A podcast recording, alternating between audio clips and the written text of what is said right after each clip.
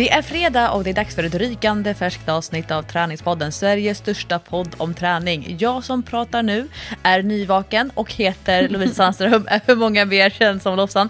Min poddpartner och författarkollega det är tv-programledaren Jessica Almenäs som inte är nyvaken, däremot nyshoppad helt i onödan. Men det är en annan historia Jessica.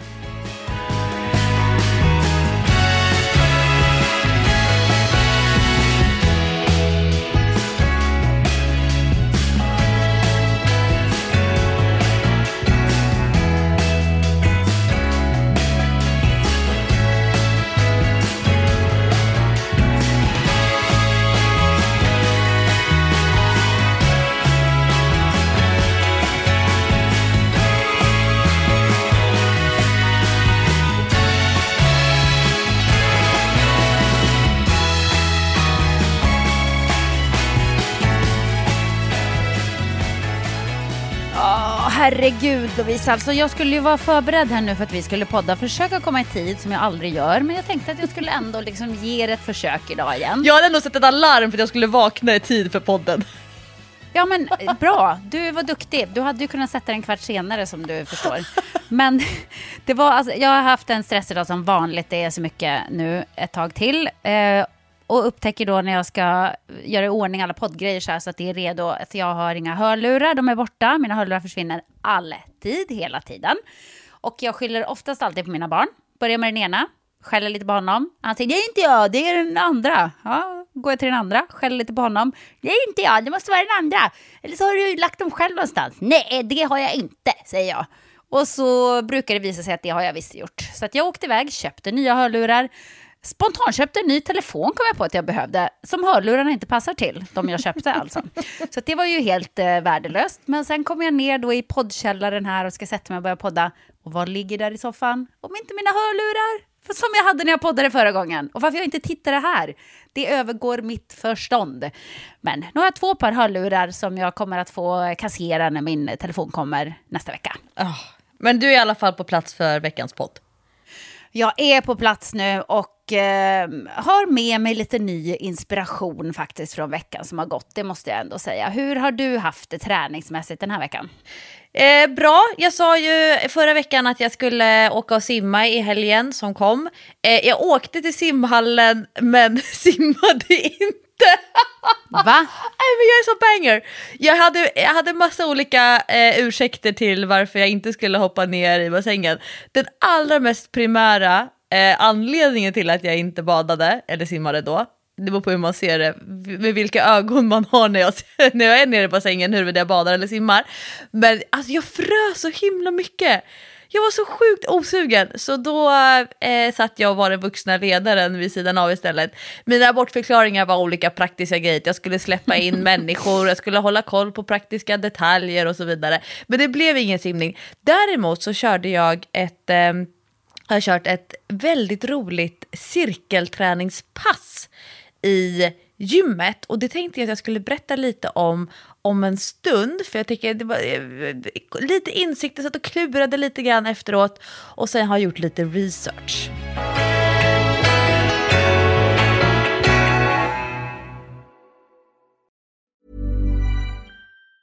Normally being a little extra can be a bit much, but when it comes to healthcare, it pays to be extra.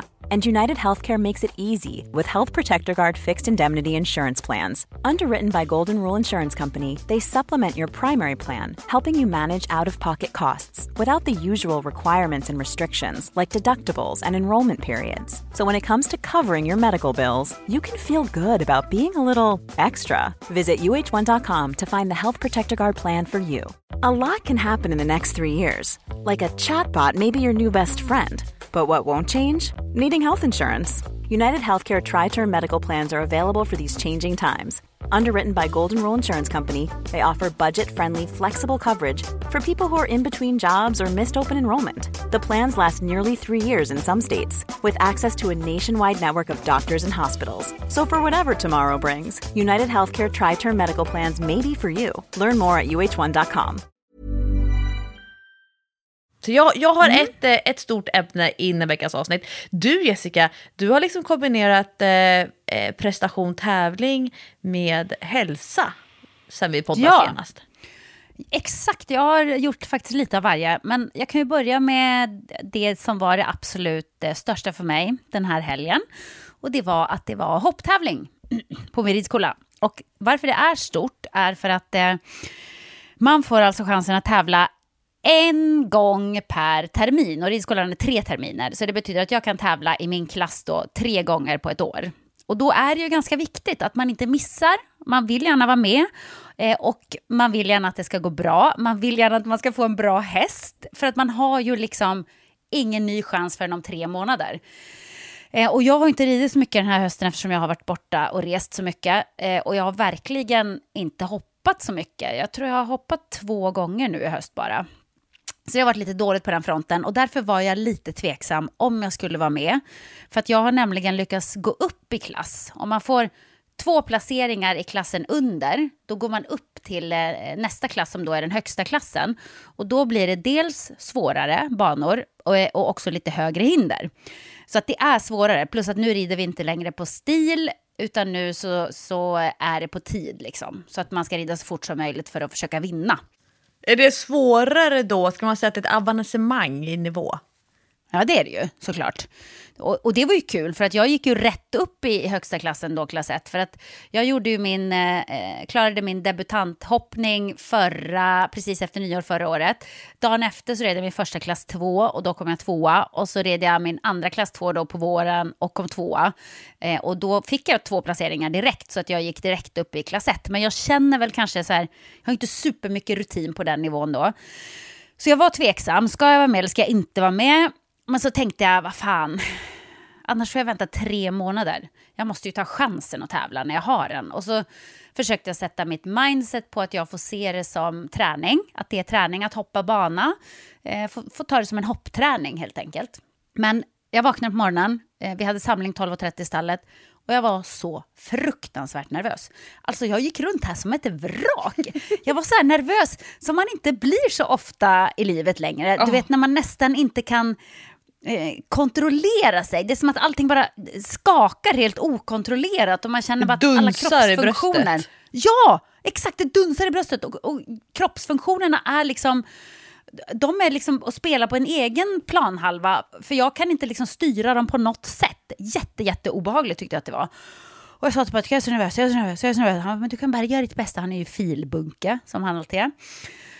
Eh, och så får du liksom tänka så här, man kan vara nervös, man får försöka ta grepp om sina tankar. Jag tänkte, ja men det är väl bra träning då. Jag försöker greppa mina tankar, försöka bestämma vad är det jag ska göra. Ja, jag vill göra en bra, fin runda och som känns liksom som att jag klarar av att rida på den här nivån. Jag vill inte göra bort mig, jag vill komma runt på ett bra sätt. Men jag, det spelar ingen roll om jag vinner.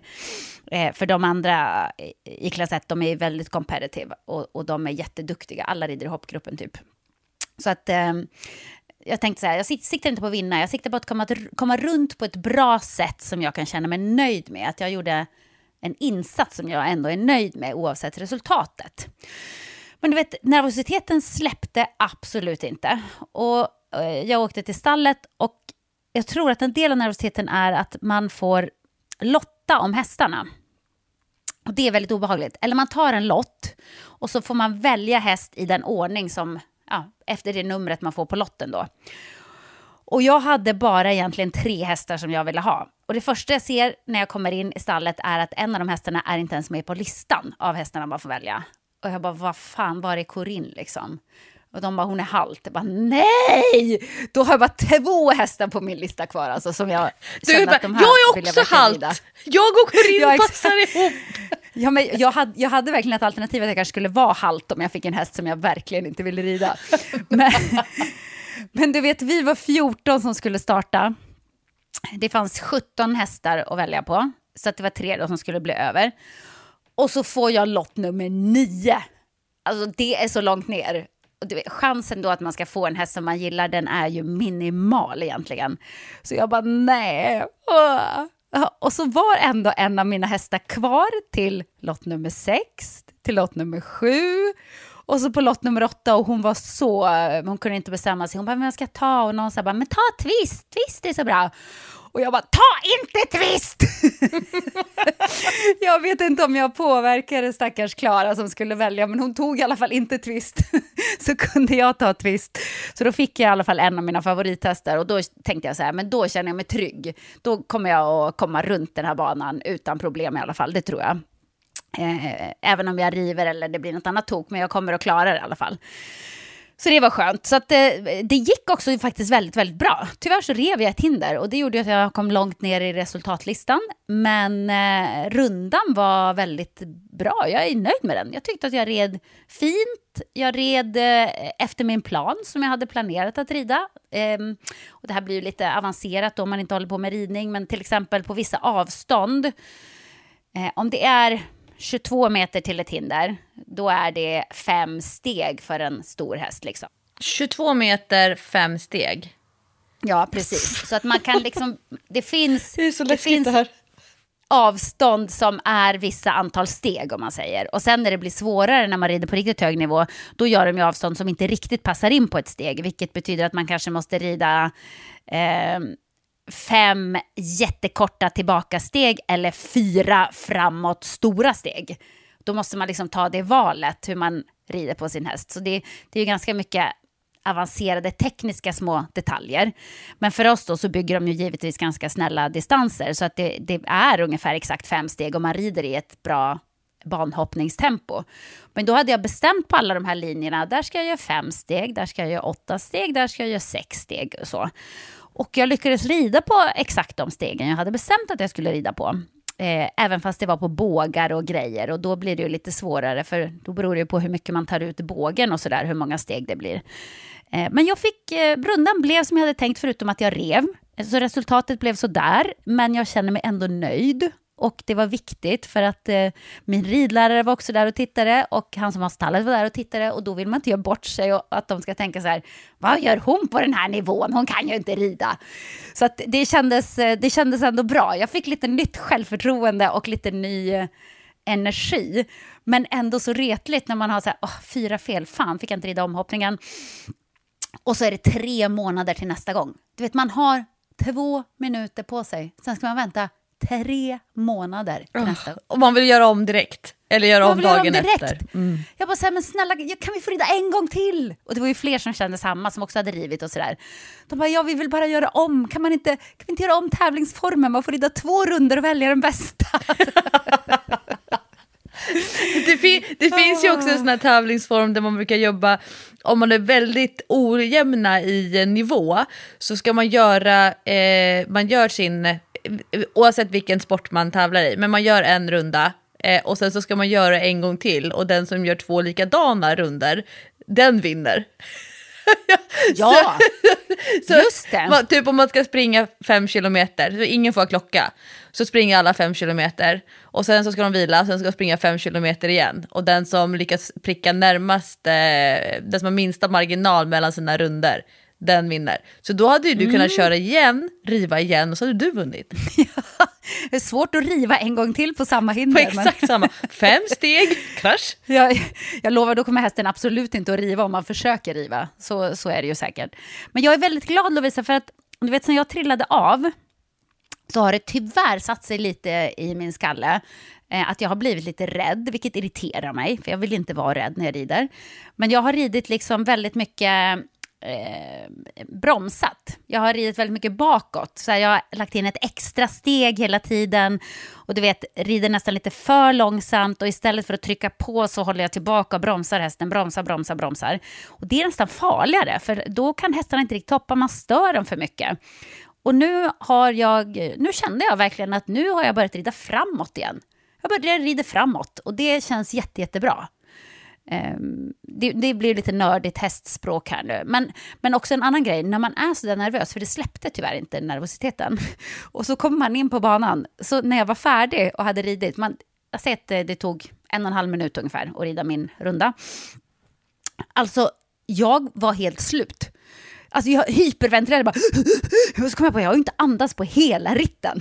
Jag har ju bara suttit och hållit andan när jag har ridit och då blir ju allting ganska jobbigt. Men det är bra att lära sig ändå att prestera under den där pressen och man har bara ett litet fönster. Det är inte så att du får göra om eller du har fem chanser på dig eller eh, nervositeten kanske släpper, utan nej, det, är, det här är din chans, det här är ditt fönster, det är det du får. Och då är du, även om du är skitnervös, gå in och gör det du ska. Det är ju nyttigt i och för sig. Ja, men jag, jag har två reflektioner eh, på, det, på ditt ämne. Det ena är den här typen av prestationspsykologi. Alltså när man är sådär nervös inför någonting. Och ett, eh, en väldigt så vanlig metod som man vet fungerar bra, det är ju att ta reda på alla förutsättningar runt omkring. Och mm. alla detaljer. Jag, jag, ser framför mig att man ska, äh, till exempel om man lämnar, tränings, lämnar träning och sport, man ska på anställningsintervju.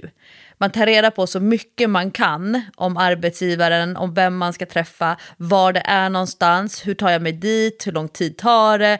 Man vill ha koll på så många faktorer som möjligt och att det i sin tur då ska dämpa lite grann av det här som då skulle kunna vara prestationssänkande i nervositeten. Och då fattar jag, när du där på lördag morgon vaknar och det är jättemånga timmar kvar tills du ska köra och inte veta vilken häst som du ska ha, att det blir ju det blir liksom kaka på kaka. Det är ju inte konstigt ja. att um, det är en så pass stor okänd faktor väldigt eh, nära inpå um, själva eh, eventet. Tänk om man, man skulle på anställningsintervju så visste man inte vad för typ av tjänst man har, eh, har kommit på intervju inför förrän typ en kvart innan. Och så ska man liksom Nej, hinna förlika exakt. sig med det. Det är ju det här, eh, det var ju, jag sa det också Eh, till Patrik, att jag tror att det jag är mest nervös över är att jag vet ju inte vilken häst jag ska ha. Om jag visste det så hade jag kunnat ställa mig in på att okej, okay, idag måste jag göra så här, idag blir det här, det är det här som gäller. Men när man inte vet det så blir det ju jättenervöst, för det kan ju bli det kan bli jättekul och man kan få en som man gillar och det kan bli bra. Man kan ju få en häst som man typ inte har ridit också. Mm. Och så kan det bli kaos. Så där har du ju helt rätt. Att, och jag är verkligen sån. Jag vill veta alla förutsättningar. Så gör jag när jag jobbar och, och eh, i mina programledarjobb eller om jag är moderator. Jag vill veta allting. För då släpper nervositeten lite för jag har koll på vad jag ska göra. Så det är klart att det där är ju ganska obehagligt när man inte kan ha alla förutsättningar klara. X-faktorn. Det, det andra eh, perspektivet, även om du pratar om eh, lite nördigt inne på hästar och eh, att ha kraschat eh, och sen så upp på hästen igen och eh, ändå känna långvariga spår av den här rädslan. Och, men att se utveckling över tid i att ehm, attityden förändras. Det är ju exakt det som eh, jag har jobbat jättemycket med i min längdåkning. Och jag känner ju så himla tydligt när, alltså det blir verkligen som ett steg, ett steg, ett steg till att bli mer eh, aggressiv, att ha en, en mer kaxigt framtonad attityd till spåret, till snön, till att våga ligga nära andra framför, att eh, inte ta för givet att jag kommer krascha i nästa kurva, eh, men också så här att det som är kanske tufft för dig, men det är så okej, okay, när jag ramlar, alltså att våga ramla också. Att inte bara göra allting för att undvika och, och falla. Så jag tänker att det är, nog inte, det är nog mindre nördigt än vad du tror om man tittar på just alla de här olika typerna av där man har råkat illa ut. Och eh, jag har en eh, klient som har haft eh, ländryggsbesvär på så sätt att hon, hon har kört Eh, det har kommit så här, inte samma dag som hon har tränat, eh, kanske inte heller morgonen efter ett pass, utan typ kvällen så här, 32 timmar senare fått så här sjukt ont i ländryggen. Och sen eh, har det typ gått 10 dagar och då har det blivit mindre och mindre och mindre. Och sen så träna och sen så plötsligt då två månader senare får exakt samma sak igen. Och till slut då så, här, men nu tar vi bort den här övningen, låt säga då att vi identifierar, men det är antagligen eh, knäböj med skivstång. Det är någon te teknisk grej som gör att eh, hon får så himla ont i ryggen. Och sen så stärka upp och stärka upp och stärka upp i andra övningar. Och nu ska vi prova knäböj med stång igen. Och då märker jag liksom den här rädslan, så här, okej, okay, eh, hur, hur känns det nu? Eh, börjar det kännas? Hur kommer det kännas imorgon? Att liksom, tänka hela tiden små steg framåt. Och sen plötsligt så kommer man på att man inte har tänkt på det på jättelänge. Ja, exakt. Det, det, är ju en process. Det tar ju tid sånt där när det är någonting som man mentalt har hakat upp sig på. Men det är lite grann som du säger det där med eh, våga ramla. Nu är ju inte det skitbra med hästar. Speciellt inte när man har passerat 40 för man slår sig så in i bänken när man ramlar av. Men att inte eh, tänka att jag ska inte ramla av. Jag måste göra allt för att inte ramla av idag. Det är där som det blir fel i skallen. För att det blir nästan bara farligare. Det blir lättare att ramla av om man hela tiden tänker att jag ska inte ramla av. Som med hoppningen. Jag ska ta det så försiktigt. Jag ska bara rida helt safe liksom för att inte riskera att ramla av. Ja, men då stör jag ju hästen så mycket och jag rider så mycket bakåt att det nästan blir farligare och det är större risk att hästen kommer att stanna än om jag eh, rider framåt och liksom inte har det där i bakhuvudet. Tänk om jag ramlar, tänk om den stannar, tänk om den stannar, tänk om jag ramlar. Det är ju där man måste släppa liksom. Eh, men det kommer ju inte av sig själv, det kommer inte gratis sånt där, utan man får ju jobba med det där jätte, jättemycket mentalt. Men som du säger, plötsligt så kan man komma på så här, men nu har jag inte tänkt på det ens. Ja, Vilken grej. Hjärnan eh, förstår ju inte inte.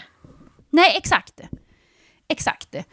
Och, och, och även om man liksom jobbar med de där, eh, jag vet inte, inte grejerna. Även om jag skulle säga så här, jag ska sitta kvar, jag ska bara sitta kvar, jag ska sitta kvar, hästen ska hoppa över alla hinder. Det, alltså det hjälper liksom inte för att bilden som jag ser i huvudet när jag säger det här är en annan bild. Förstår du?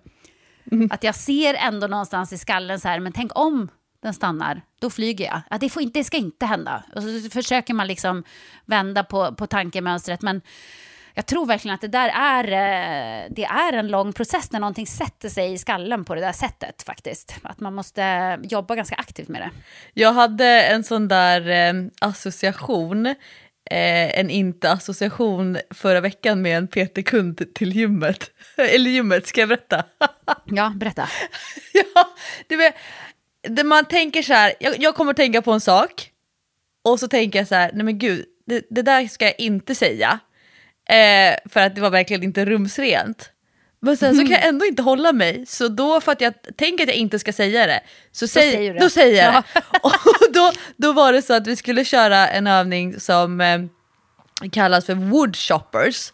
Eh, den finns i jättemånga olika varianter. Man kan eh, eh, stå rakt upp och ner, så har man en hantel, så har man den på utsidan av ena höften och sen så lyfter man den diagonalt snett uppåt, som, ja, typ som en yxa. Eh, den går att göra, som jag tycker är roligast, det är i dragmaskin. Och då kan man sätta trissan där uppe, där nere eller på mitten. Och så skulle, då kör man så att man liksom, eh, i den varianten vi skulle köra, då skulle man köra nerifrån, snett nerifrån då, och så lyfta diagonalt uppåt, typ som en cirkulär rörelse.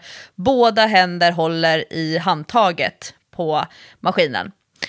Mm. Och så skulle jag förklara det då att eh, just den här varianten idag, då ska vi göra en variant som är väldigt strikt och eh, inte så mycket rotation, för man kan göra sådana här woodshoppers med jättemycket rotation, nästan typ som en golfsving. Och då så förklarade jag så här, ja, och så ska man hålla eh, eh, båda höftbenen stilla och sen också försöka hålla bröstkorgen stilla. Och så eh, tänkte jag så här, men en bra instruktion, ja, men tänk att du har Eh, två ficklampor, en på vardera höft och de ska peka framåt mot mig.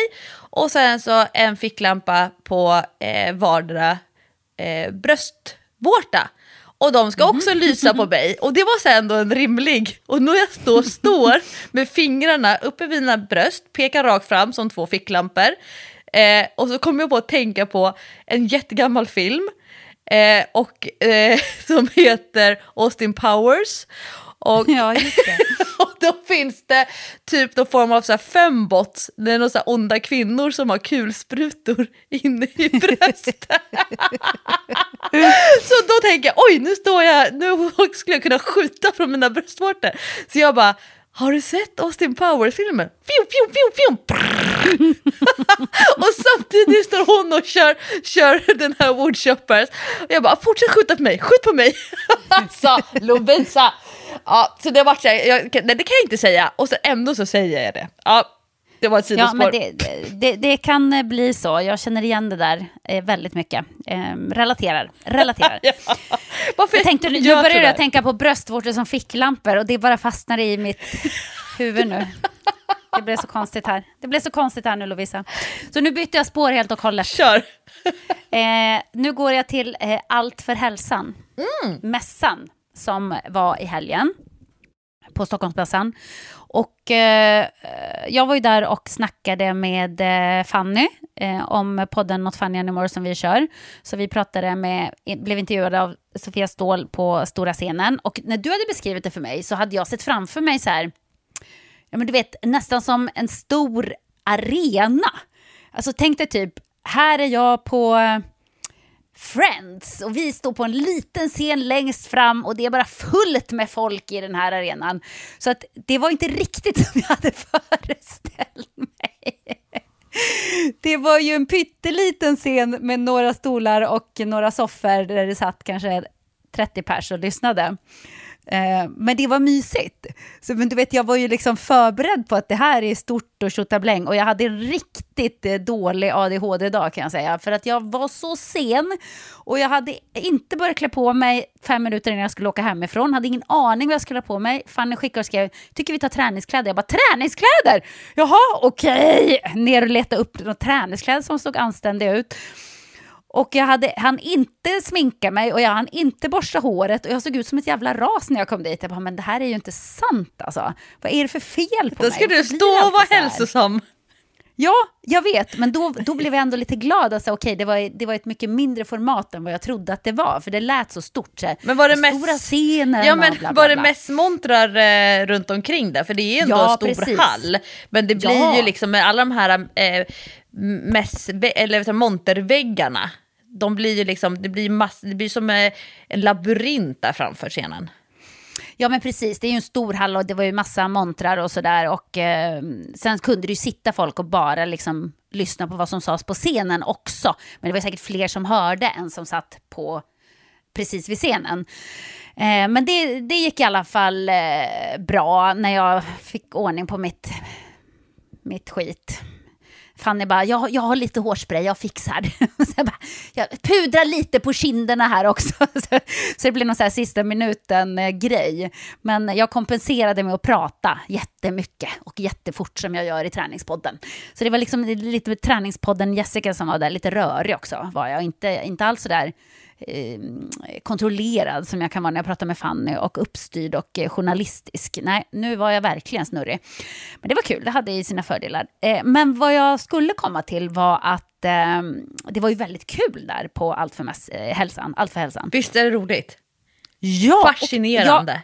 Hade, inte, jag hade en annan grej jag skulle göra så jag hade bara tid att gå runt efter vi hade pratat i en timme ungefär. Och en timme var ingen tid där inne. För att dels så fastnar man överallt. Antingen för att man känner någon eller för att någon vill prata med en om någonting. Jag signerade några av våra stora löparboken för kvinnor eh, som de hade till salu i bokshoppen. Ooh. Ja, jättekul. Eh, och sen så var man ju väldigt intresserad av massa olika grejer.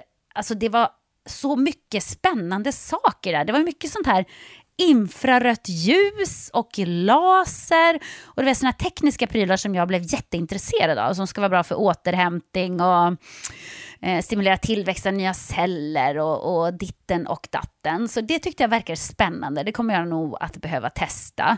Och det var ju också massa eh, olika träningsgrejer där. Det var mycket DNA-tester, sånt som jag tycker är skoj. Eh, alltså det var så kul. Jag hade velat gå runt där hur länge som helst. Men en sak som var lite rolig, det var att eh, jag gjorde en intervju med Må bra, tror jag det var. Må bra gick runt och intervjuade olika hälsoprofiler. Och så, så sa de så här, ah, men tänkte fråga lite, vad tror du det kommer för träningstrender 2024? Ja, men då kom ju killgissan Jessica fram här.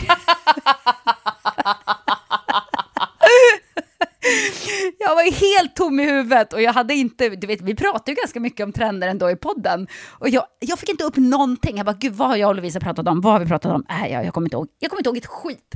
Så började jag tänka på så här, ja men Lovisa går på en massa svettiga pass. Svettiga pass med hög puls där det eh, sprutar svett åt alla håll. Så att jag hittade på att det var olika högintensiva pass, det var trendigt. Eh, och teknik, Oh. Trendigt, ännu mer teknik, men samtidigt back to basic. Att jag tror att vi kommer liksom att gå tillbaka lite grann till 80-talssättet att träna på. Att man tränar som en del av sin livsstil, det som jag också är väldigt insnöad på just nu. Eh, du vet att eh, på 80-talet alla joggade, av ingen särskild anledning, bara för att man skulle jogga. Och folk gick liksom... Det coolaste man kunde göra. Ja, exakt. Folk kunde gå och gymma av ingen särskild anledning, bara för att man går och gymmar. Det är liksom en del av livet, så lever man. Det var ju lite mer hälsosamt tänk på det sättet på 80-talet skulle jag säga. Att det var mer integrerat i ens eh, livsstil. Att man tränade på något sätt. Alla var ju ute och sprang. Och sp folk spelade basket i Converse och ja, allt vad det var. Det var kanske inte så himla toppen tekniskt sett, men eh, rörelsemässigt sett så tror jag att 80-talet var kanon alltså.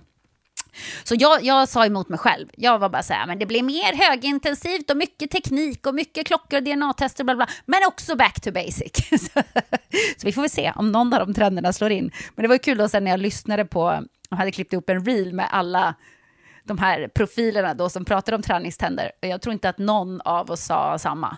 Så oh. jag vet inte om man utgick ganska mycket från sig själv, eventuellt. Men är det inte intressant, eh, eh, jag tänker nu när du nämnde eh, infrarött ljus, eh, DNA-forskning och så gener, eh, cell repair, eh, koncept och så. Är det inte intressant att trenderna har gått just åt ett sånt typ av håll? Flera av dem där är ju verkligen så här återhämtning och uppbyggnad, fast eh, ganska långt ifrån yogan som, återupp, eh, som återhämtning eller meditation. Sen så kanske man eh, som vissa så här, säljer in sådana där typer av, ja, som infrarött ljus, att man ska sitta och meditera framför lampan. Eller jag tänker som eh, nu får jag upp sjukt mycket annonser på sociala medier för eh, du ska ha en, du ska köpa en sån här uppblåsbar eh, liten, liten bassäng för en person som ska kunna sitta på typ med knäna uppdragna mot bröstet Alltså det ser ut som ett sån här hemmafotbad som man blåser upp. Alltså som en eh, bebisbassäng. Så ska du fylla den med isvatten och så ska du sitta på din balkong och så göra isbad i de här uppblåsbara enpersoners bassängerna och det är också där säljs in Alltså det, det låter ju som tv-shop. Ja, det... det låter som tv-shop. Köp det här, bara någon klickar hem det, kommer aldrig till användning. Det står och skräpar i kartongen i någon garderob någonstans. Ja, alltså, men det är intressant eh, just den här starka återhämtningstrenden mm. och uppbyggnad, cell repair, eh, healing, inte i form av handpåläggning, alltså att du blir healad av en pastor i en frikyrka, utan healing som är att du ska läka dina sår i kroppen, läka din själ. Eh, ja, det, det, är ju en intressant trend, kanske, både inom träning men också då kanske framförallt inom hälsospektrat. Ja, exakt. Varför sa jag inte det här? För att jag snappade ju Jag, jag skulle ha stått bredvid och viskat. jag snappade ju upp den när jag var ja! där, jag berättade den precis för dig, men, men ändå så var det som blankt när jag skulle svara på den där frågan. Men det, det där är faktiskt spännande alltså. Jag träffade, när jag var ute och reste jorden runt nu, så träffade vi av någon konstig anledning som man får se när man ser programmet, eh, i Paris en svensk tjej som eh, är lite grann, eh, vad ska man säga, healer, medium, alltså inte riktigt, hon jobbar lite mer spirituellt, men hon, inget flum. Inte så här, nu ska vi ta kontakt med dina döda släktingar som ska berätta lite grann för dig hur du ska tänka. Utan mer ehm, eh, läsa av en. Jag gissar att det är mycket mer teknik än någonting annat. Teknik och kanske intuition, tror jag. Och en känsla liksom för människor och vad det betyder, hur de rör sig, hur de pratar, hur de bla bla bla. Men hon var ju väldigt mycket, för jag frågade henne så här, jag har så ont i kroppen och eh, det, det, är något som är fel, jag känner att det är något som är fel, men jag vet inte vad det är. Ehm, eh, jag går till läkaren, de hittar ingenting, bla bla bla. Gick in lite på de grejerna med henne privat och inte i tv. Och då så sa hon till mig att, det, att hon kände liksom inte av att det fanns några svåra sjukdomar i kroppen. För du vet, eh, man får tycka vad man vill om healers, men de kan ju känna liksom på olika områden när det är någonting som inte stämmer. Men att det sitter mycket också i eh, huvudet. Att det finns vissa saker som jag bär med mig som blir som en tung ryggsäck som också eh, kommer ut eh, fysiskt. Därför att kroppen är eh, sammanhängande. Allt i kroppen hänger ihop och även då vårt eh, sinne. Och det mentala hänger ihop med kroppen. Och har man problem med det och saker man inte kan släppa och som tynger en och sådär och som man går runt och grubblar på och kanske har ångest över, mår dåligt över eller sådär, eh, då kan det sätta sig också i kroppen. Och hon sa det här är gamla grejer hos dig, men du måste liksom jobba igenom de här sakerna och få ut det för att kroppen ska kunna slappna av och bli relaxed. Och det är liksom lite på samma tema, att det är väldigt mycket det här återhämtning, förnyelse och att man också försöker koppla eh, ihop alla delar i kroppen. Det gör man ju lite grann med det här DNA, med generna, eh, men också som du säger, ja det kommer lampor och grejer, men snart ska man väl kanske sitta och meditera under en infraröd lampa och sen går man ut och ska ta sitt isbad och sen så ska man köra affirmationer. Det känns som att det kanske är en trend att vi liksom knyter ihop mer eh, eh, sinnet med vår fysiska kropp eh, på något sätt. Och för att maximera vårt mående eller våra fysiska prestationer så måste båda de delarna fungera och vara i balans på något sätt. Så det kanske inte, om du är elitidrottare så kanske du inte ska göra, ja, du ska, behöver inte lägga in dubbelt så många träningspass, men du kanske måste få bukt med din skalle. Nu jobbar de mycket med, med mental träning, men det här är på ett lite annat plan kanske.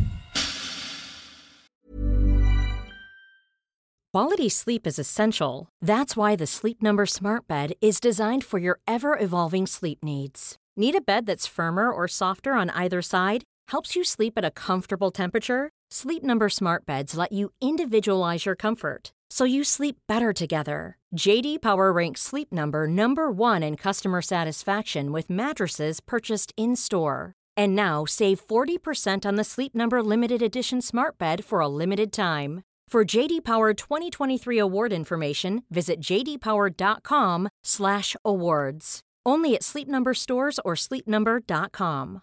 Mom deserves the best, and there's no better place to shop for Mother's Day than Whole Foods Market. They're your destination for unbeatable savings, from premium gifts to show-stopping flowers and irresistible desserts. Start by saving 33% with Prime on all body care and candles. Then get a 15-stem bunch of tulips for just $9.99 each with Prime. Round out Mom's menu with festive rosé, irresistible berry chantilly cake, and more special treats. Come celebrate Mother's Day at Whole Foods Market. Vi är även denna vecka sponsrade av Rusta och det passar perfekt för det är ju full vår ute nu. Man kan vara ute utan att ha dunjackor och tio lager kläder, det gillar man. Äntligen, äntligen! Varje vår tycker i alla fall jag att det känns som att det är ett helt nytt liv som börjar. Jag kan sitta ute, jag tycker om att känna solen värmer ansiktet. Och för mig är det liksom, det, det är ett njut. Älskar att vara ute. Och Rusta, det är vårens bästa vän för de har allt för det här nya livet, utomhuslivet. Ja, precis. Vi har ju tidigare berättat att Rusta har ett brett sortiment av i princip allt som du behöver till din uteplats. Och jag har eh, snackat mig varm om solcellsbelysning. Det tycker jag är kanon. Du var inne på ljusslingor och krukor, Lovisa. Men oavsett vad man behöver så får man mycket för pengarna hos Rusta när man ska förvandla och förnya sin uteplats. Hur är det hos dig Jessica? Har du några favoriter när du ska piffa upp er utomhusmiljö? Ja, men det har jag faktiskt. Jag gillar att det känns lite loungeigt. Så jag brukar ju satsa på att köpa någon ny utomhusmatta. För att de är väldigt prisvärda hos Rusta. Så det tycker jag är en stor favorit. Jag ska säga vad jag är sugen på. Berätta. Jag tycker ju att det är bra att ha kuddar som man inte behöver ta in. Det står absolut på min lista för den här våren. Ja. Ja. Det ska vara lätt att ta sig ut. Kuddarna ska bara ligga där, redo att ta emot den. Ja, man älskar sånt som man inte behöver plocka ut och in. Och då säger ju nog jag att grejer till utegymmet, alltså vi pratar hantlar, kettlebells, foam roller, sådana saker är också för mig vår, att vara ute, det är låg tröskel till att träna och så kan man liksom ta in och ta ut. Och Rusta har riktigt bra hemmaträningsgrejer. Och jag tänker så här, ja, men man sitter och hänger där i sina kuddar och så kan man träna. Och så kan man hänga och träna. För alla våra lyssnare så är ju träning en viktig del av utomhusmiljön, det vet jag. Vi uppmuntrar och uppmanar våra lyssnare att njuta av utomhuslivet och kolla gärna Inrusta när ni vill uppgradera er utemiljö. Kolla in rusta.com, men framförallt besök ett Rusta varuhus och få inspiration till ditt nya uteliv. Vi säger tack till Rusta! Stort Medan du eh, har pratat nu, då har jag gjort käkavslappningsövningar, för jag kände mig väldigt träffad. Ja, men du ser, vad bra. Då kanske du har någonting, det kanske är någonting som gnager i ditt eh, undermedvetna eller ditt medvetna som, som sätter sig i dina käkar. Alltså, jag tänker att det hänger ihop väldigt mycket med sömnproblem och sådana saker. Och det är inte alltid man själv vet vad är det som är problemet. Eh, jag till exempel vet inte. När hon sa så här, det är en gammal grej, bla bla, och jag började fundera, så ja, jag har en idé om vad det kan handla om. Eh, och det är ju verkligen inget nytt, utan det är ju något som jag har burit med mig hela mitt vuxna liv, men som jag tror har påverkat mig mycket mer än vad jag egentligen tror. För för mig idag är det som jag är färdig med det. Det är, det är liksom borta. Men jag tror inte att det är det. Jag tror att det är en jättestor olöst knut som jag måste ändå ta tag i för att kunna må riktigt bra. Eh, och även i kroppen. Men ja. Ja, in- Flummigt. intressant. Det där ser jag fram emot att få eh, titta på. Eh, jag jag kom, eh, kommer med en killgissning här nu. Om vi ska försöka eh, knyta ihop de här trenderna och se liksom vad som skulle vara nästa steg apropå all den här tekniken då. Nu om vi kopplar tillbaka, om vi går tillbaka till eh, joggingens stora entrance som en så här hälsoinsats, 80-tal. Då var jag ja, tvungen... det skulle jag nog säga att det var. Visst det var det 80-talet ändå som joggingen slog igenom Ja, då stort, blev det ju liksom det folkliga och eh, den. Och då var jag tvungen att tänka så här, ja, men då fanns ju inte de här tusentals löpbanden inne på gymmen. Och då var jag tvungen att kolla när uppfanns löpband och det var då 1818, en, en civilingenjör eh, med namnet Sir William Cubitt. Nu läser jag till från Runners World här. Syftet var att straffa lata fångar och samtidigt få ut lite nytta av dem. Eh, ja, och sen så eh, blev eh, grymma fängelsestraff och eh, tortyr omodernt. Eh, och Vilken tur ändå att det blev omodernt. Ja men alltså det här, de här eh, löparna från 1800-talet, de ser ut som de här Jacobs ladders typ som vi pratade om. Just det. Uh, gud vad hemskt det ser ut. Ja, det de, ja, gud, de, vilken, de det var verkligen ett straff. Ja, eh, men, men då försökte jag se så här, men när, när blev löpband liksom trendigt? Ja, exakt. Eh, löpbandet har en mörk historia, skriver Keycraft, eh, som ju är en jättestor träningsmaskinsleverantör. Eh, och eh, nu ska vi se, 70-talet började det liksom, eh, gjorde löpandet en stor comeback, framförallt i USA. Eh, tack vare Dr. Kenneth H. Cooper. Det är nämligen då mannen som gav oss Cooper-testet. och oj. startade en Aha. träningsrevolution 1968 då han kom ut med sin bok Aerobics. Nu får vi lära Wow. oss lite här. Eh, verkligen. och eh, sen så var det väl liksom att det slog igenom eh, senare då så att liksom vem som helst eh, skulle kunna köpa ett löpband. Men framförallt då att de liksom var, det är en standarddel på ett eh, kommersiellt gym. För att då kan de kommersiella gymmen tjäna pengar på att människor vill och behöver springa. Och sen Ja. då så eh, kom ju de här eh, studierna som visade, eller, eller dels den här trenden med att man skulle vara solbränd. Ja. Alltså man skulle vara sol, alltså brun, det var ju verkligen ett skönhetsideal. Nu pratar jag alltså inte... Älskar den. Ja, Älskar den. och eh, eh, alla hade ju inte råd att ligga och sola eller att åka till solen. Så då tog man fram solarium och sen så anammade träningsbranschen solariekonceptet, köpte in massa solarier. Och tittar du på 90-talet och tidigt 2000-tal så var det ju helt enkelt så att många gick och tränade tre gånger i veckan och passade på att sola också. La sina 10 kronor i, i Jajamän. dosan. Eh, och då kunde gymmen tjäna pengar på det. Det blev ju som en passiv inkomst för du behöver inte ha någon personal för det. Och människor kände sig jättefräscha och hälsosamma.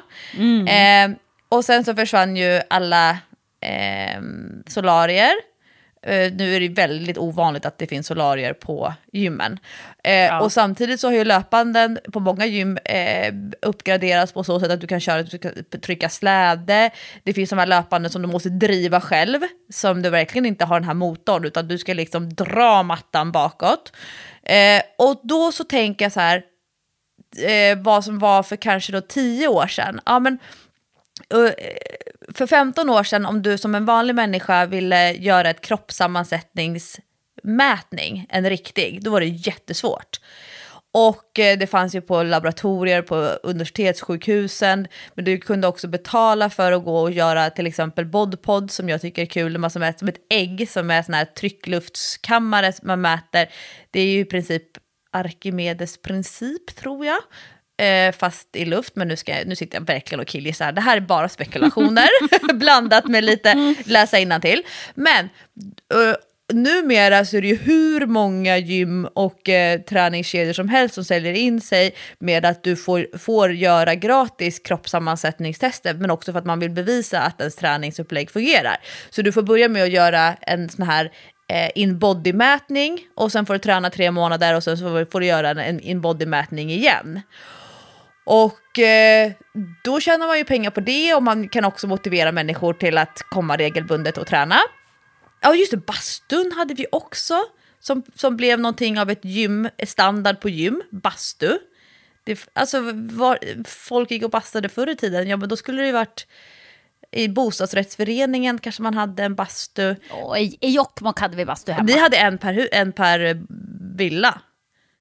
Ja, ja, gud ja. Alla hade bastu när jag bodde i Jokkmokk. Nu överdrev jag. Alla hade inte bastu, men många hade bastu. I, Det eh, var kanske också en 80-talsgrej. många hotell i Finland har ju eh, bastu på hotellrummen. Fy Fabian vad trevligt. Ja, det är du och min make. Men då tänker jag så här. Infrarött ljus. Eh, vi kan gå till särskilda studios för att göra sådana här eh, kryobehandlingar där man går in i ett jättekallt rum. Eh, det finns de här isbaden. Det kanske är så att de kommersiella gymmen nu kommer anamma och se att det här kan vi tjäna pengar på. Så att man helt enkelt kommer göra infraröda rum. Att man kommer göra eh, i större utsträckning än på de här privata småstudierna som isbadsvakar som man kan klättra ner i. Eh, de här infraröda basturna. Eh, att man ska gå in i bastu som inte är en värme eller ångbastu utan det är verkligen ett sånt ljus. Alltså man helt enkelt går och sätter sig istället för att gå på yoga. Då går man och sätter sig i lotusställning framför en sån här ljustavla och eh, bara sitter, sitter där. Så jag är ju väldigt intresserad av eh, att testa sån här ljusterapi på vintern. Faktiskt. Det är inte riktigt samma sak, men det, jag tror att vi mår så dåligt av att vi inte får tillräckligt mycket dagsljus och solljus. Jag skulle verkligen, för jag mår ju så mycket bättre om jag får åka iväg till solen. Jag känner ju, jag blir inte sjuk, eh, jag orkar mycket mer, jag är inte lika trött på dagarna. Det är som att jag känner att kroppen får energi. Jag känner mig som en blomma nästan. Du vet, en slokig blomma står hemma i en risig kruka hemma hos mig och sen kommer jag utomlands och så bara boah, blommar upp och blir stark och glad och pigg och, och sådär. Så ljusterapi skulle jag verkligen vilja prova. Och och det tror jag kommer att komma stort. Alltså att det inte har kommit än fast vi bor här i mörkret i ett halvår liksom. Det är ju ganska sjukt. Att det inte har slagit på bred front menar jag då. För att det känns som att det är på väg nu. Det är också en sån här kommande trend. Ja men det är ju det här, det här gymmet som jag har varit tränat på på Sveavägen, Intense. De har ju sådana här speciallampor. Så där till skillnad från alla de här trendiga innerstadsgymmen där det är nedsläckt, disco, umpa umpa och eh, nästan så epileptiska eh, lampor som bara flyger överallt. Så är det ju så här jätteljust. Nästan så att man första gången man kommer in så får kisa om man kommer när det, klockan är 17.30 i november. Eh, ja. Men ehm, de fasthåller ju verkligen eh, de positiva hälsoeffekterna av den typen av ljus. Ja, men jag, jag, jag, tror på det faktiskt. Jag tror jätte, jättemycket på det. Det kommer jag att testa. Men det kan mycket väl vara så att det blir nästa stora grej som slår igenom. Men de, de måste ju vara lite entreprenörer, alla gymkedjorna, eh, för, att det ska, för att det ska löna sig. Liksom. Ja. Eh, apropå um, trender så har jag, eh, jag har börjat eh, läsa två nya kurser. Va? Ja, nu. Din lilla pluggis. Ja, verkligen. Eh, men eh, en av kurserna som jag läser heter typ eh, hälsa och livsstilscoachning. Och eh, den är på avancerad nivå, så jag hoppas att eh, jag ska lära mig lite nya saker. Å andra sidan, det är alltid bra att repetera, men det finns säkert en hel del nya coachningsmodeller som jag inte har koll på. Så jag hoppas att jag ska, även fast jag har jobbat med det här så, så himla många år, få med mig lite nytt. Men vi har bara haft en eh, föreläsning. Det är en distanskurs, men man kör Zoom tre timmar i veckan. Och mm. då var på introföreläsningen förra veckan, då ehm, eh, gick läraren igenom eh, några sådana här begrepp. Och då var det så intressant, för det var ganska mycket så här, eh, engelska definitioner. Och då eh, var det bland annat det här som jag tror har trendat, men nu är på väg bort. För det är också intressant att säga vad som inte kommer vara trendigt. Men då var det eh, holistisk coachning eh, och då ville han ta med det i den här kursen som så att man kan jobba som holistisk coach, att man har ett holistiskt perspektiv i sin coachroll eh, och liknande. Och då eh, det tillsammans med ett annat begrepp som han eh, pratade om och definierade, eh, wellness. Och eh, på svenska så översätter vi wellness till välmående. Men både holistic och wellness för mig, och jag tror att det kanske är fler som håller med, det är liksom ehm, eh, approach till hälsocoachning som är på väg bort. Att vi ser mer att väldigt många framgångsrika coachnings, eh, alltså hälsoperspektiv snarare handlar om eh, optimering, bygga upp, eh, och att vi gör ganska många saker som kanske inte är så wellnessiga, men eh, som det har varit tidigare. Vi har ju liksom wellness, heter det inte Aftonbladet wellness? Jag vet inte ens om det, finns den kvar? Tror inte det. Nej, du ser.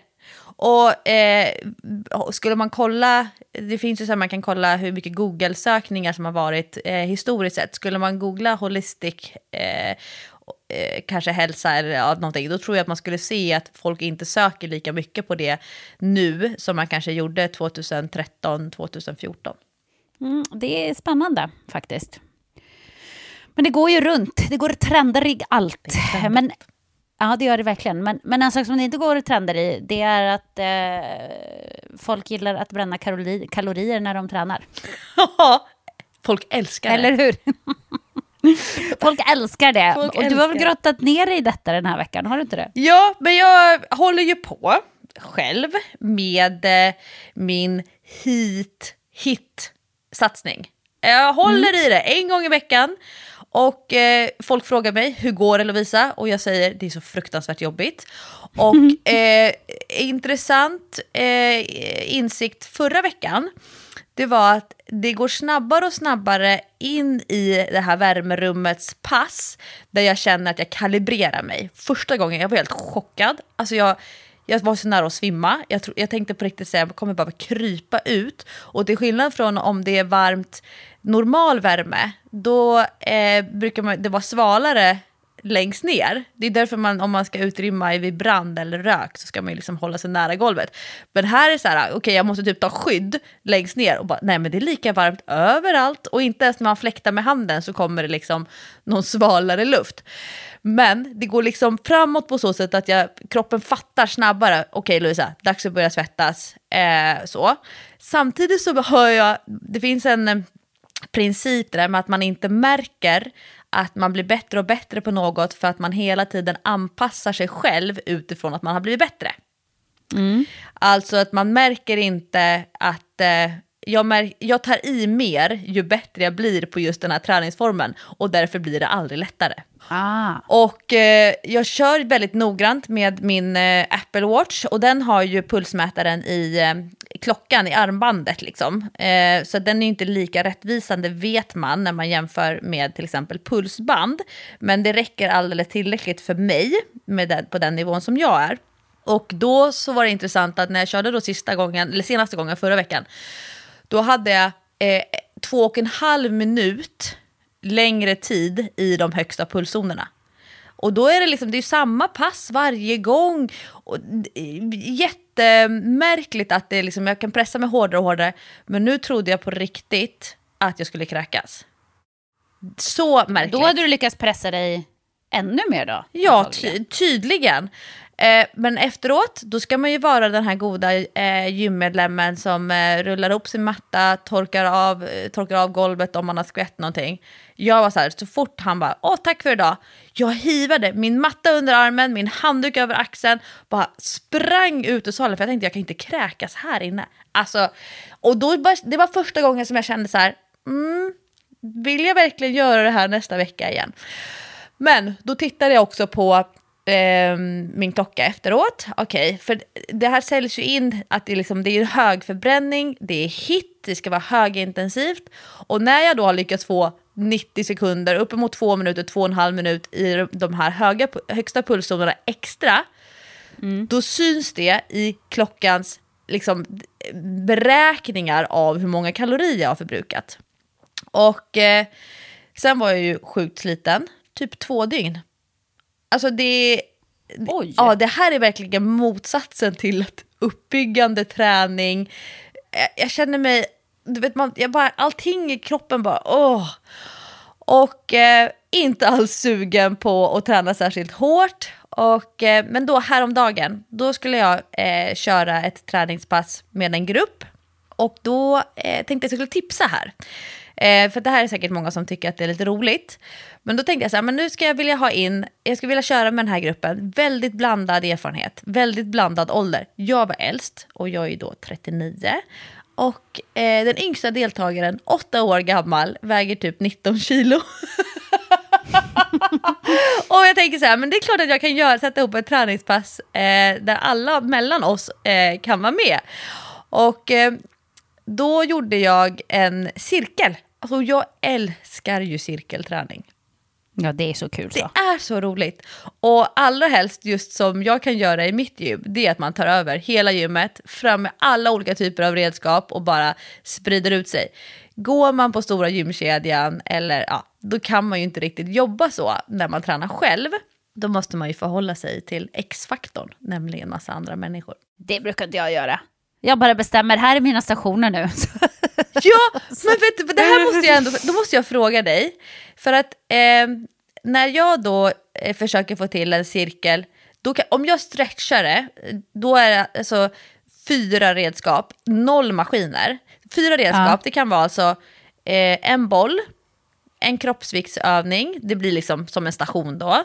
Eh, ett par hantlar och en kettlebell. Det blir det liksom mm. fyra stationer. Och är vi två personer som tränar, då tycker jag ändå att vi kan få två meter i sidled och två meter, alltså så det blir två gånger två meter. Det är ändå mm. fyra kvadratmeter. Och så ska vi då köra där.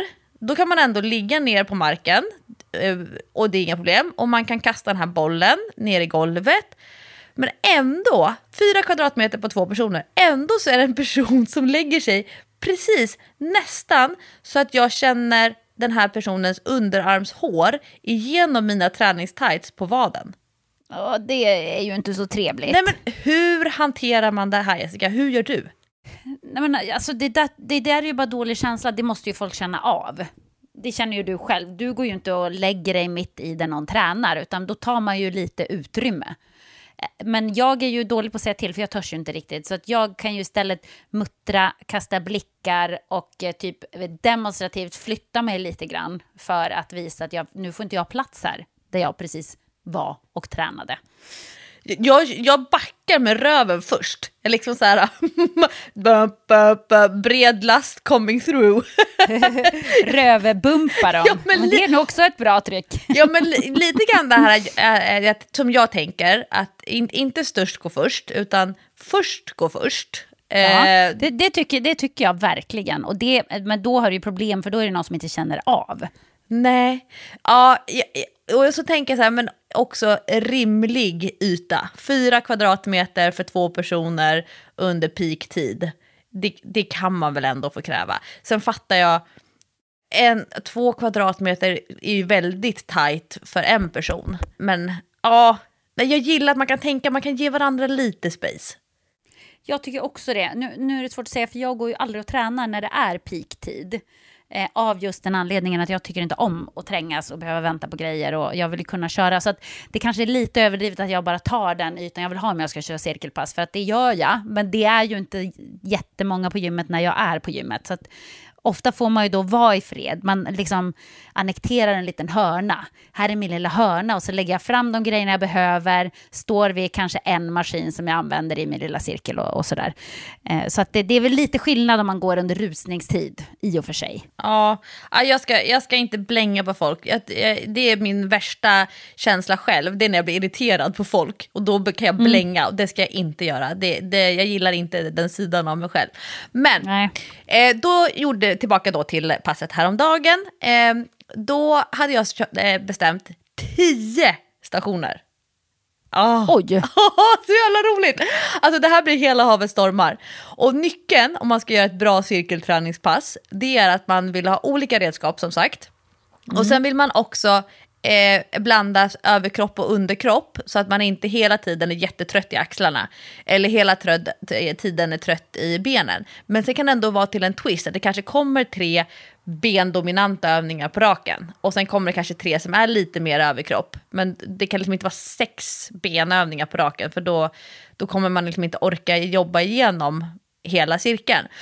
Så det var till exempel wallballs, man skulle kasta högt upp mot väggen, eh, det var hänga i räcke och om man kunde göra en eller två pull-ups så skulle man göra det och sen kunde man liksom hänga kvar i räcket. Vi körde skidåkaren med gummiband från högt räcke. Eh, vi körde en kompisövning där man ska eh, gå från, man ska ligga ner som en sit-up-ställning och sen så ska man, eller eh, sit-up-position och sen ska man ställa sig upp med, för kompisen låser fötterna och håller runt vaderna. Eh, Vi gjorde special-burpees, vilket är att man ska köra burpees med ett ben, burpees med andra benet, burpee med en arm, burpee med andra armen och sen så börjar man om. Eh, airbiken, hantelrodd i planka, knäböj med axelpress, typ thrusters, utfall eller utfallshopp och sen en övning där man har en stor viktplatta och så ska man nudda golvet med viktplattan och sen så ska man upp med den på raka armar. Och då var vi 16 personer, 10 stationer, skulle man vara två och två. Och så körde vi, jag kör 30, min kompis kör 30 eh, sekunder. Jag kör 30 sekunder, min kompis kör 30 sekunder, jag kör 30 sekunder, min kompis kör 30 sekunder. Och sen är det 90 sekunders vila och sen kör man nästa station. Och det var så himla roligt. Eh, alla jobbade utifrån sina förutsättningar. Eh, den här åttaåringen har ju så en kilos hantlar på knäböj med axelpress. Tyckte burpees var den roligaste övningen av alla. Det är bara åttaåringar som tycker det. Exakt vad jag tänkte.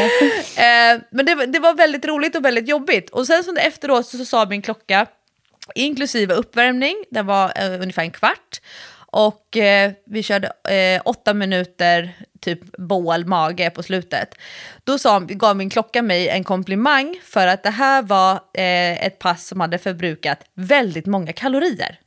Så jag fick till och med typ en liten utmärkelse, en liten batch. Oj. Ja, Medalj! Ja, Oh. och- Hur många kalorier var det då som du fick medalj för undrar man ju. Ja, men den ehm, träningstiden blev väldigt lång för det, tog, det tar 43 minuter. Om man kör 10 Ja. övningar med det här upplägget då tar det 43 minuter. Men sen så hade vi uppvärmningen och mage och så tror jag att jag eh, kanske glömde bort att stänga av klockan på slutet. Men det var några minuter extra. Då tyckte den att jag hade då förbrukat 432 kalorier på 80 Oj minuter. jäklar, det var bra pass. Och då, hade, då körde jag ändå ganska hårt, men jag hade de, de här två eh, små tjejerna då, de var hela tiden på stationen efter mig. Så att jag hela tiden kunde hålla koll på dem och så kunde de också titta hur jag gjorde så att det, liksom, det skulle eh, rulla på bra. Ehm, och eh, till skillnad då från om jag kör eh, ett sånt här, det här var inte högintensivt. Jag hade Nej. typ 30 sekunder i de högsta pulszonerna, det var väldigt mycket medelintensivt. Ja. Eh, och ändå då för att tiden var så lång så, och, och pulsen låg ganska högt väldigt länge så blev det många kalorier förbrukade. Till skillnad Ja. från då mitt sånt här kräkspass som det kändes i eh, förra veckan. Då var det 265 kalorier på 30 minuters träningstid. Och det blir ju mycket mer eftersom det är högre pul pulszoner. Och folk frågar ju mig väldigt ofta, men Lovisa vad ska jag välja, vad bränner mest? Och det kommer ju vara så att ju högre puls du har, ju längre tid du har det, desto högre energiförbrukning kommer du ha. Om jag kör 80 minuter styrketräning hemma, tunga övningar, då måste jag vila länge. Då kan klockan vara typ 140 kalorier kanske. Alltså det är ganska långt pass, men det är inte så mycket arbetstid från att jag startar klockan till att jag stänger av klockan och att jag är klar. Mm. Och då vill ju folk gärna tänka så här, ja, om jag ska bränna mycket, då ska jag köra pass som förbränner många kalorier. Men de här typen av träningspass som förbränner många kalorier, de kommer inte i sin tur leda till att man kanske blir starkare, att man stimulerar muskeltillväxt och den här återuppbyggande effekten som vi vill ha muskulärt eh, och på den här lite mer moderata medelintensiva konditionen. Jag blir fruktansvärt sliten av de här högintensiva passen. Jag är inte sugen på att träna dagen efter. Och kan liksom känna i skuldblad, jag kan känna mig så här, lite manglad, lite så här sjukdomskänsla. Men om man, jag vet. Ja, om, om man då tänker sig den här tyngre styrketräningen som inte förbränner så många kalorier under tiden. Men den effekten som du ger musklerna av att träna där, den är ju mer beständig. Så tittar man över tre dygn, då kanske man har har stimulerat en högre energiförbrukning extra av att ha gymmat lite mer lågintensivt fast ordentligt än att ha hetsat i 25-30 minuter. Och det är ju det som är så här, när man säger att man, det är bra att variera sin träning. För att bara köra högintensivt kommer slita jättemycket. Att bara köra tung styrka, sitta och scrolla på telefonen kommer inte ge dig kanske bättre kondition, bättre flås och snabbare återhämtning. Men att liksom försöka röra sig emellan dem. Och då blev jag lite nyfiken så här, ja, men om man googlar, eh, googlar, vad är det, go, go, googlar, säger man så på svenska? Inte, inte googlar. Nej, googlar. Nej, man får inte säga googla. Det, det gör gamla människor. Jag tänker inte sortera in mig under gamla människor än på ett tag. Googlar. Inte, go, inte googla, Lovisa. Googla. Ja. Ja, då googlade jag för att tänka så här, men om folk vill läsa om eh, eh, förbränning och träning, vad, vad får de läsa då? Och då kommer det väldigt högt upp eh, en sajt som heter Iform. Och där, eh, de här så, säljer in redan på sökresultatet att det är en, en eh, miniräknare. Eh, alltså en, som en ekvation hur många kalorier förbränner min träning? Och då är det en kaloriförbränningsräknare. Alltså det här, är, det här är jätteintressant. Och då ska man välja, det finns 50 aktiviteter att välja mellan. Och sen så ska man skriva i hur många minuter man har gjort aktiviteten och hur mycket man väger. Och då räknar den ut. Mm. Och då var jag tvungen att prova. Eh, om jag väljer hit, Alltså då ska det vara high intensity interval training. Det ska alltså vara högintensiv kondition. Du ska ligga superhögt upp i puls. Och sen har jag kört i 45 minuter. Men då är ju frågan, okej, okay, hur mycket, hur många minuter av de här 45 har jag varit i högsta pulszonen? Det skriver man inte in. Och så skriver jag in min vikt och så klickar jag på räkna ut. 360 kalorier säger den då. Jaha, okej. Okay. Och sen så väljer jag hård styrketräning, 45 minuter, samma vikt. Då har jag 270 kalorier. Nu blir det intressant om jag då skulle välja löpning. Eh, snabb löpning, 13,5 kilometer i timmen. Undrar om jag orkar springa det. Eh, ja, vi provar. Och så räknar jag ut. Då får jag 554 kalorier tycker den att jag har förbrukat de där 45 minuterna. Mm -hmm. Det är alltså typ dubbelt så mycket som 45 minuter hit, tycker den här. Eh, det låter lite konstigt eller? Visst låter det märkligt. Och då tänker jag så här. Men kan det här verkligen stämma? Jag är alltid skeptisk till sådana där kaloriräknare. Visst blir man skeptisk. För om jag hade kört lätt styrketräning, vilket faktiskt det här cirkelpasset var, det var inte tung styrketräning, för övningarna var inte tunga. Det var ju att man gjorde eh, 30 på, 30 av, 30 på. Då blir det 158 kalorier. Så då mm. tänker jag, min slutsats, det är att man ska skita i sådana här beräknare. Eh, man ska tänka vad man vill uppnå. Är syftet att förbränna många kalorier? Ja, då behöver du där och då, under de 45 minuterna eller 60 minuterna som du ombyter träningskläder, ja då behöver du ligga högt i puls. Men jag tror, och det är väl här som jag var, som mm, min insikt nu under de här månaderna när jag håller på med de här hitpassen och försöker matcha och jämföra med skillnader i att träna hemma med en kettlebell eller köra cirkel i gymmet. Det är ju, ja men hur, hur känns det att träna på det sättet? Hur mår jag av det? Hur känns det dagen efter? Hur sugen är jag på att träna igen? Och beroende på de svaren så kan man ju fundera över om det verkligen är det som man ska lägga krutet på. Eller så, tänker man, ah, jag känner mig helt manglad, jag känner mig sjukt liten, men det är så fruktansvärt roligt. Och då kommer jag tänka på din basket, Jessica. Mm. Ja, ja, ja, exakt så är det ju verkligen. Men vi pratade om det här för några veckor sedan, det här med att man inte kan köra bara högintensiva pass. Att det är ju väldigt utvecklande för konditionen när du tränar högintensivt. Men du kan inte göra det hela tiden för kroppen pallar inte det. Man kan inte till, tillgodogöra sig träningen då för då behöver du mycket mer återhämtning om du hela tiden ska träna högintensivt. Så att det är ju liksom, det är ju egentligen dum träning för du sliter ju ner kroppen istället än att du bygger upp den när du bara kör högintensivt. Men alltså, det, jag har ofta undrat så här, undrar hur mycket kalorier jag bränner när jag spelar basket. Så att ibland har jag testat sådana här kaloriräknare. Men jag vet inte, jag tycker bara inte att det stämmer. För jag kan inte ha på mig klockan när jag kör. Man kan ju göra illa någon eller man kan fastna i någonting eller sådär. Men jag skulle vilja veta, för att jag är ju alltid helt slut utan att jag vet om att jag egentligen har tränat, för att det är ju så kul. Så att man kör ju bara. Och du vet någon träning här när jag kom hem från eh, Cypern, eh, jag kunde ju nästan inte gå därifrån. På slutet jag kunde inte lyfta mina fötter.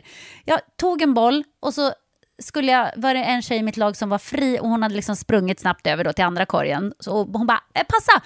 Och jag bara kände så här, jag, jag får inte iväg bollen dit. Jag kan inte trycka ifrån med benen, mina armar är helt döda, det går inte. Jag kunde inte slå passningen liksom. Man blir så trött, så trött, så trött som man stapplar fram alltså. Eh, så jag gissar ju att det är ganska hög kaloriförbränning. Men en annan sak som jag har tänkt på med kaloriförbränningen, det är ju min ridning. För där har jag ju verkligen klockan på mig. Och då slår jag in, nu, nu är det lite trubbigt verktyg på den här träningsappen på klockan då. Men man ska ju trycka in sin träningsform då, vad det är man håller på med. Och då finns det en som heter hästsport. Jag vet inte riktigt vad det är de tänker att det är, men ja, hästsport i alla fall. Men du vet, ibland rider jag dubbelpass. Då rider jag två timmar i rad. Först rider jag kanske en timme hoppning och så rider jag en timme dressyr. Då har jag bränt så mycket kalorier efter det. Alltså, jag har ju bränt över 650 kalorier är mitt mål på dagen. Alltså jag, jag är ju långt över där. Jag kanske är uppe på 800 kalorier det bränner sjukt mycket kalorier, men jag lovar dig, om du slår in det på den där räknaren så skulle det vara typ hästsport, 150 kalorier Ja, i det timmen. var exakt det jag fick, jag var tvungen att prova ridning. Nej, och det, var det den, det? Hamnar, eh, den hamnar ganska så lågt. Eh, eh, 45 minuter, för jag vet bara att man ska få referens. Alltså 45 minuter då jämfört med löpningen, vad var det, 528 tror jag, eller 550. Och eh, 45 minuter eh, ridning för mig, 171. Ja, du ser, det är ju ingenting. Alltså om jag rider ett tufft dressyrpass, det, det är 500-600 kalorier på en timme.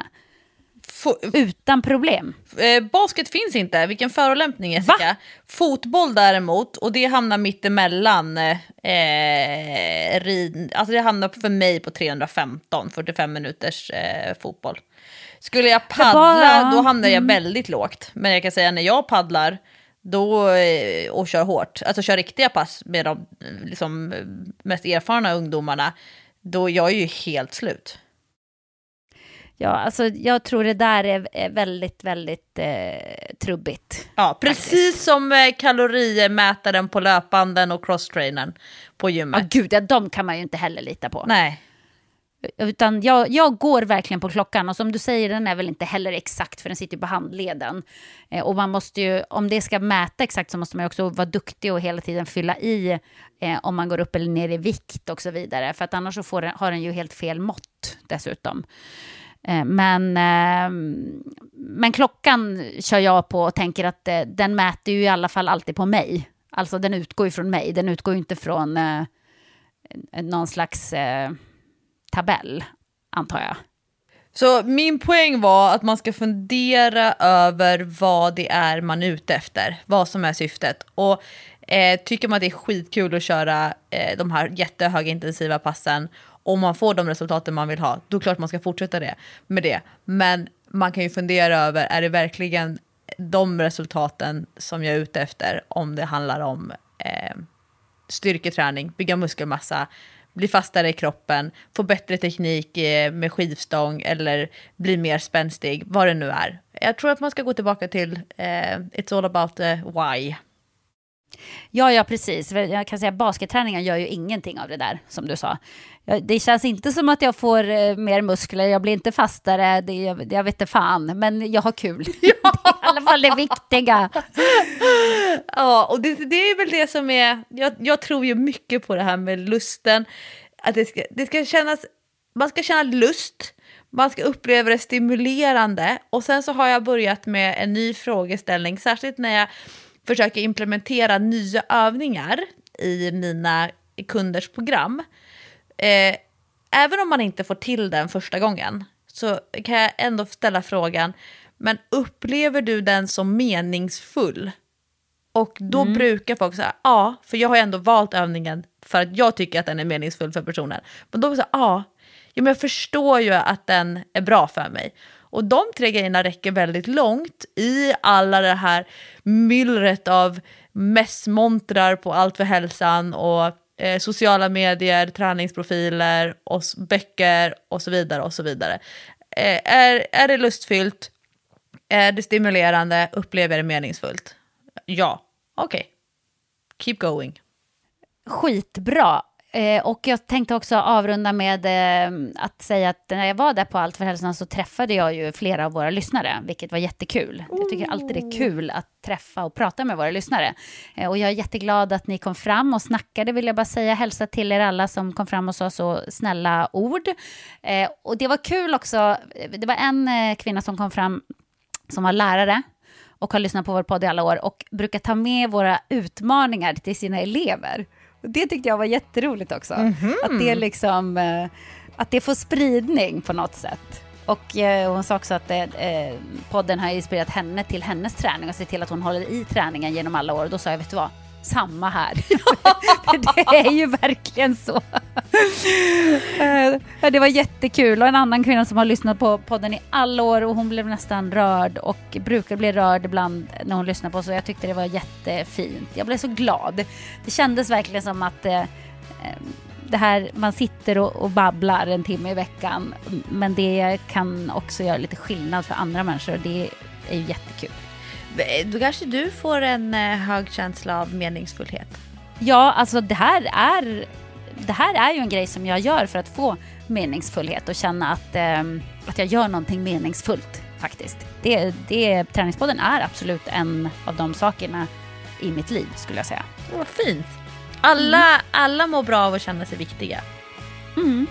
Ja men så är det verkligen. Så eh, kom ihåg att ni är värdefulla. Ja. Alla kära lyssnare. För det är ni. Tack för idag. Tack och hej. Puss och kram.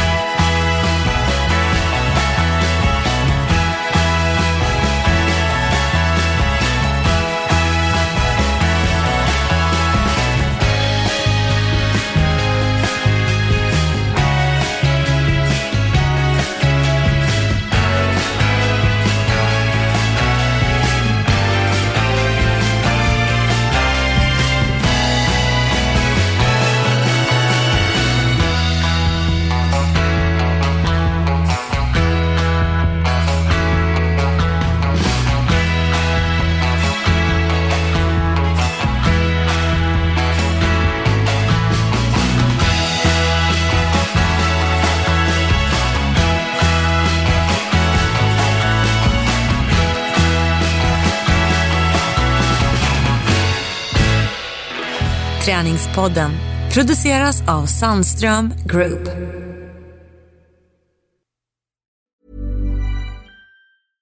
Flexibility is great. That's why there's yoga.